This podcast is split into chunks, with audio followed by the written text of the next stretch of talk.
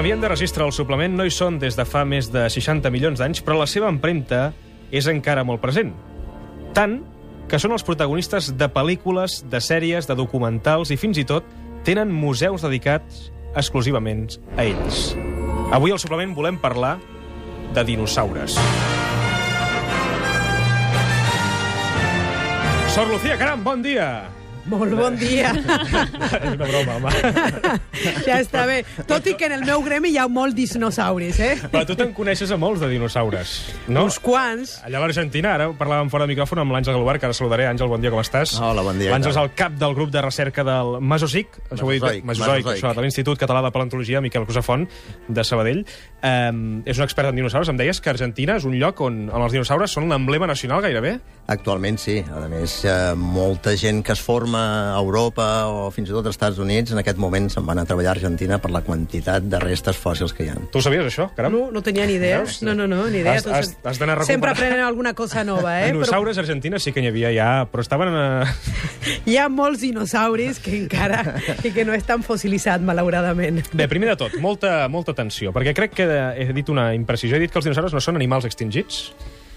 Bueno, eh, de fet, hi ha dinosaures actualment, que són els ocells. Els ocells és una, una branca, un tipus de, de dinosaures que va aparèixer fa uns 150 milions d'anys i van tenir la sort, o la mala sort, pues, de passar aquest punt d'extinció que va haver-hi fa 66 milions d'anys i doncs, des de llavors s'han anat evolucionant i tenim doncs, els, aquests ocells que són els dinosaures. Els actuals. ocells serien els animals més semblants als dinosaures d'avui en dia? És que diríem que no són semblants, són dinosaures. Són l'evolució del dinosaure. Són dinosaures, són dinosaures. Són jo quan vaig estudiar fa molts anys eren encara una classe, classe Aves, i Sí. actualment és la classe dinosàuria. Ara, si anéssim a mirar Però un ocell, allò, els, els coloms són els dinosaures? pardals, Colom és un dinosaure? un colom és un dinosaure, un pardal és un dinosaure... Eh? Sí que estem aprenent coses avui, Ustrell. No, no, és que avui hem convidat a un crac en dinosaures i per això, per això, per això aprendrem moltes coses. Bueno. No, no, està bé, està bé. És a dir, coloms, qualsevol tipus d'ocell... Qualsevol ocell, sí. El que passa, per exemple, hi ha alguns que s'assemblarien una mica més a lo que eren els dinosaures que coneixem, sobretot els dinosaures carnívors. I serien, doncs, el que nosaltres en diem els ratites, aquell grup de- d'ocells que, no, que no volen. Els estrussos, per exemple, ens, Ja. ens hem d'imaginar un estrus, eh, un animal amb, amb, amb unes potes molt llargues, una mida ja respectable, posaven, posen nous quan posaven els dinosaures, per tant, és el que més se'ns assembla eh, al dinosaure aquest que anava a dues potes. Després ja teníem aquells tan grans, amb Sí, quatre sí, potes. ara i Mira, ja que estem en el, en el tema, parlem de l'extinció. Parlem d'extinció. La teoria diu que van morir tots per un impacte d'un meteorit. Això està completament acceptat? Hi ha com- matisos en aquesta teoria? Com diria l'Astèrix, diu todos, todos no. Però bueno, sí, va haver-hi un, un impacte de- d'un meteorit fa 66 milions d'anys. Això va ser a exactament. Mèxic? Això va ser el que seria el golf de, de Mèxic, perquè s'ha trobat el lloc d'impacte i s'ha trobat, fins i tot quan s'han fet sondatges, s'han trobat un, un mineral que és molt poc comú a la Terra, però és més comú, eh, diguéssim, al, al cosmos, que és l'iridi, no? I llavors aquesta, aquesta capa ens marca aquest punt de- d'extinció. És fàcil, és fàcil, relativament fàcil trobar-la amb sediments que estaven al mar, perquè es diposita dintre el mar, però en zones que en aquell moment estaven a, a fora de l'aigua és més difícil de trobar, tot i que, per exemple, als Estats Units, a la zona de Montana, que cau molt a la vora d'aquest lloc d'impacte, s'ha trobat aquesta capa d'iridi. Per I lo aquest tant, impacte seria comparable a alguna cosa? Una bomba atòmica, per exemple? a milers de bombes atòmiques. Milers de bombes atòmiques. Milers de O sigui, va tenir un impacte a tot el, a tot el planeta. Exacte.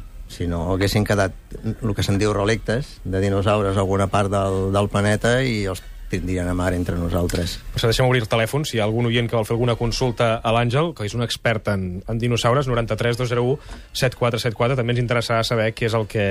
Les passions de, de Catalunya, que hi ha molta passió pel dinosaure a Catalunya. Eh? Un, hi ha passió pel Tintín, hi ha passió per l'Astèrix, per la Solucia Caram, i també per, pels, pels dinosaures. Per tant, Vas fort avui, Ustrell. 93 201, és que no hi ha la Mariola i no, clar, la Xeni no em frena tant, saps? 93 201 7474. Àngel, aquesta fascinació pels dinosaures, per què?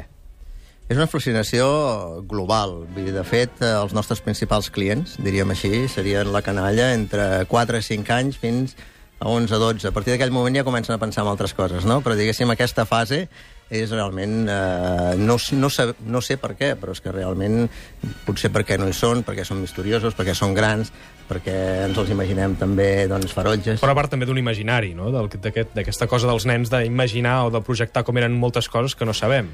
Aquest imaginari, de fet, ens ve molt lluny, perquè els primers dinosaures van descobrir ara fa uns 200, uns 200 anys. I des de que es van començar a estudiar en, en sèrio des dels Estats Units i Anglaterra, ja també es van començar a fer aquestes reconstruccions. I són aquestes reconstruccions els que ens han anat cridant sempre l'atenció, no? Clar, i pel·lícules com Jurassic Park, això hi deu ajudat moltíssim. Clar, aquesta és la part de màrqueting que a nosaltres ens, ha, ens, ha, ens va molt bé, no? Perquè sempre és com una, un recordatori no? d'una vacuna que Clar. va... Tenim una consulta d'un oient, que és el Jordi Martí de, de Barcelona. Jordi, bon dia.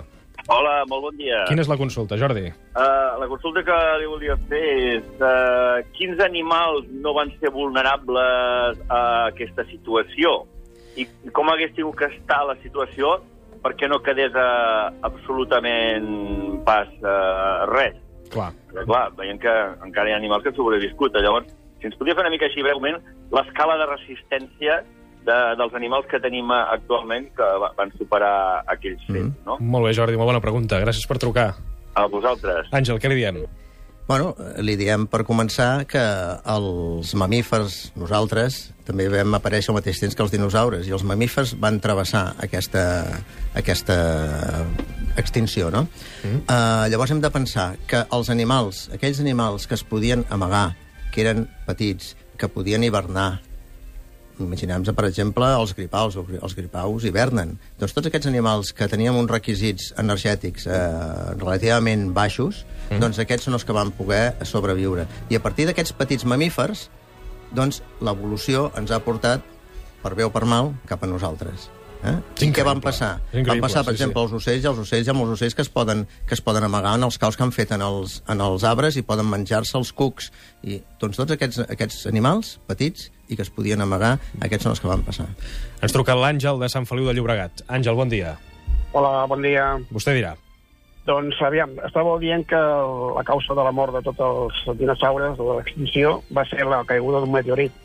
Però la causa directa, quina va ser? Una inundació, la falta de sol, o quina va ser la causa que morissin tots els dinosaures de tot el planeta? Molt bona, m'encanta perquè tenim uns oients eh, que Sí, sí. en saben molt, m'encanta. Àngel, gràcies per trucar, una abraçada. Eh, Realment, Àngel, molt, què- què molt, li molt, molt interessant aquestes dues preguntes. Eh, el que ens està comentant l'Àngel és un dels temes que en aquest moment s'estan estudiant eh, amb més detall. És, diríem, quines són les conseqüències d'aquest gran impacte. Eh, Llavors, aquestes conseqüències poden variar. Sabem que eh, en zones properes a Mèxic i Estats Units són molt més grans que les que van passar a la Índia i que les que van passar a Europa. Llavors hem d'imaginar, primer, que en unes zones de centenars de milers de quilòmetres va quedar tot arrasat per la onada expansiva i pel foc. Però a l'altra banda de la, de la Terra, possiblement, això no va passar. Clar. Però què tenim? Després tenim un efecte hivernacle molt gran que el que va fa, fer va eh, deixar la Terra en foscor durant anys. Mm? Llavors, aquí és una mica el que estem intentant nosaltres, trobar en el registre geològic doncs, totes aquestes proves que ens permetin anar veient eh, què va passar. Doncs clar, estem parlant de 66 milions d'anys. No, estem parlant d'això i, a més a més, que el temps us va en contra. És a dir, cada dia que passa és un dia que esteu perdent. És a dir, que esteu més lluny cada vegada més. No, sí, però l'important és saber trobar en aquest llibre que és a la, la Terra, el registre geològic, trobar les pistes. I llavors també ens permet que cada dia també anem aprenent i també tenim noves tècniques que ens permeten analitzar pues, el, que, el que trobem a, a la Terra. Anem a Barcelona. Xavier, bon dia. Bon dia. Quina és la pregunta? A veure, jo sé que, jo sé que hi havia hagut, o he, he sentit o he llegit, o ara no em preguntis, que hi havia algun, algun tipus de dinosauris que tenien plomes. Sí, molt bona pregunta. De fet, es deia el tiranosaure, no era això? De fet, No sé, no sé exactament quin era. Ara ens ho respondrà l'Àngel. Gràcies, Xavier, per trucar. de, De res. Àngel. Sí. De fet, hi han molts dinosaures que, que tenien plomes. Bàsicament, estem parlant dels dinosaures carnívors. Ens hem d'imaginar pues, com una espècie d'ocell. Com un amb- pollastre, no?, una mica? Un pollastre gran. Un pollastre gran que podia arribar a tenir 5 o 6 metres. Eh? Hosti, tan gran, no? Sí, sí, per Tan posar- posar-lo al forn, allò, eh, que és costat. Sí, sí. Sí. I els carnívors, bàsicament, són els que estaven emplomallats, i això ho sabem perquè hem trobat en alguns jaciments eh, llesques de pedra en el qual veiem l'esquelet, és a dir, els ossos, el que és més fàcil de fossilitzar, però també veiem les empremtes de les plomes que van deixar a la pedra. El tema de les plomes és un tema molt curiós, perquè el que comença una mica com un experiment, una transformació del que serien els pèls en els mamífers o les cates en els rèptils, es converteix en un tipus d'estructura realment molt complexa que primer serveix com a aïllant per protegir els animals i finalment acaba servint per volar. Vull dir, llavors aquí Clar. tenim, clar, estem parlant de molts milions d'anys d'evolució. Que bo. Tu ara ets el cap del grup de recerca del Mesozoic, eh, de l'Institut Català de Paleontologia, Miquel Cruzafont de Sabadell, un dels màxims també responsables dels jaciments de Coll de Nargó. Eh, Catalunya és terra de dinosaures o va ser terra de dinosaures? Va ser terra de dinosaures. Tot el que seria el Prepirineu català i també part de l'aragonès i part del francès en fa uns 70-66 milions d'anys doncs, eren unes zones molt properes a la platja. Els Pirineus no existien, ens hem d'imaginar una zona més aviat en plan al Carib, i aquí doncs, hi passejaven gairebé tots els tipus de dinosaures. Amb l'interès de que tenim nosaltres també registrat aquest punt d'extinció i que el que s'ha treballat fins ara ha sigut bàsicament els dinosaures nord-americans, que són un tipus, i s'ha vist que Europa era en aquell moment un conjunt d'illes i els dinosaures que hi havia eren uns dinosaures una mica més petits, perquè estaven adaptats a la poca quantitat de, de terreny que hi havia. I eren ara- diferents entre una illa i l'altra? Hi havia coses diferencials, com passa amb els humans? Exacte, són el que se'n diuen endemismes. Els que trobem, per exemple, per dir alguna cosa, a la zona del Pirineu i els que trobem a Romania són diferents, hm? perquè estaven aïllats entre si. Que això és el mateix que ens passa, doncs, el que trobem en unes illes, eh, doncs, eh, no sé, d'Àsia, per dir alguna cosa, a mesura que et vas movent amb la distància, també les espècies han anat evolucionant. I per què eren tan grossos, els dinosaures? Eren tan grossos perquè podien, perquè s'ho podien permetre. Estem parlant doncs, d'una quantitat d'aliment molt gran. Que I... avui en dia un humà així és impensable, això, no? L'espècie humana? Sí, tret, però- tret de l'albiol, que és molt alt, però, sí. però poca gent hi ha altat com, com en aquest cas el senyor García Albiol. Hi ha, una llei, hi ha una llei científica que el que ens diu és que totes les espècies tenen tendència a fer-se més altes i més grans. Aquesta Ah. és una llei, una llei científica, vull dir, els nostres avis, Sí. els pares, avis, doncs eren una mica de Sí, mitjana. això és veritat, això és veritat, sí. El que passa que, és clar, eh, a l'home què fa que està a la Terra? Els, els sàpiens és pocs centenars de milers d'anys. En canvi, els dinosaures són eh, milions d'anys. Llavors, en aquell moment, doncs, tenien capacitat, sobretot hem de pensar que ara estem parlant doncs, dels nivells de CO2 a la Terra que varien i a la temperatura hi ha hagut moments que han estat 10, 20, 30 vegades més grans a la Terra i això també ha permès que, la, que, les, eh, que els vegetals doncs, puguin créixer molt i, i per això podien. I l'altra cosa que és interessant és que hi havia com una carrera armamentística entre els herbívors i els carnívors. Si jo sóc petit i ve un carnívor, se'm menja. He de créixer molt, molt ràpid. I què passa al carnívor? Ostres, S'espanta. O, o, o, començo a créixer ràpid, Clar. els meus descendents van Hi havia una carrera per veure qui creixia més, eh? Exacte. Molt bé, que bo. Àngel, ha estat un plaer conèixer-te. Eh, Ets un, realment un autèntic crac d'això dels dinosaures. El que farem és, com que veig que també hi ha molts oients i moltes participacions, muntarem un dia una sessió de cinema, mirarem Jurassic Park i comentarem i compartirem amb els oients tot el teu coneixement, que, que és moltíssim i, i que t'agraeixo moltíssim que avui l'hagis compartit a, a l'antena de Catalunya Ràdio. Un plaer, de veritat, conèixer-te. gràcies. Has previngut i ho repetirem segur aquesta experiència perquè hi ha moltes, moltes participacions.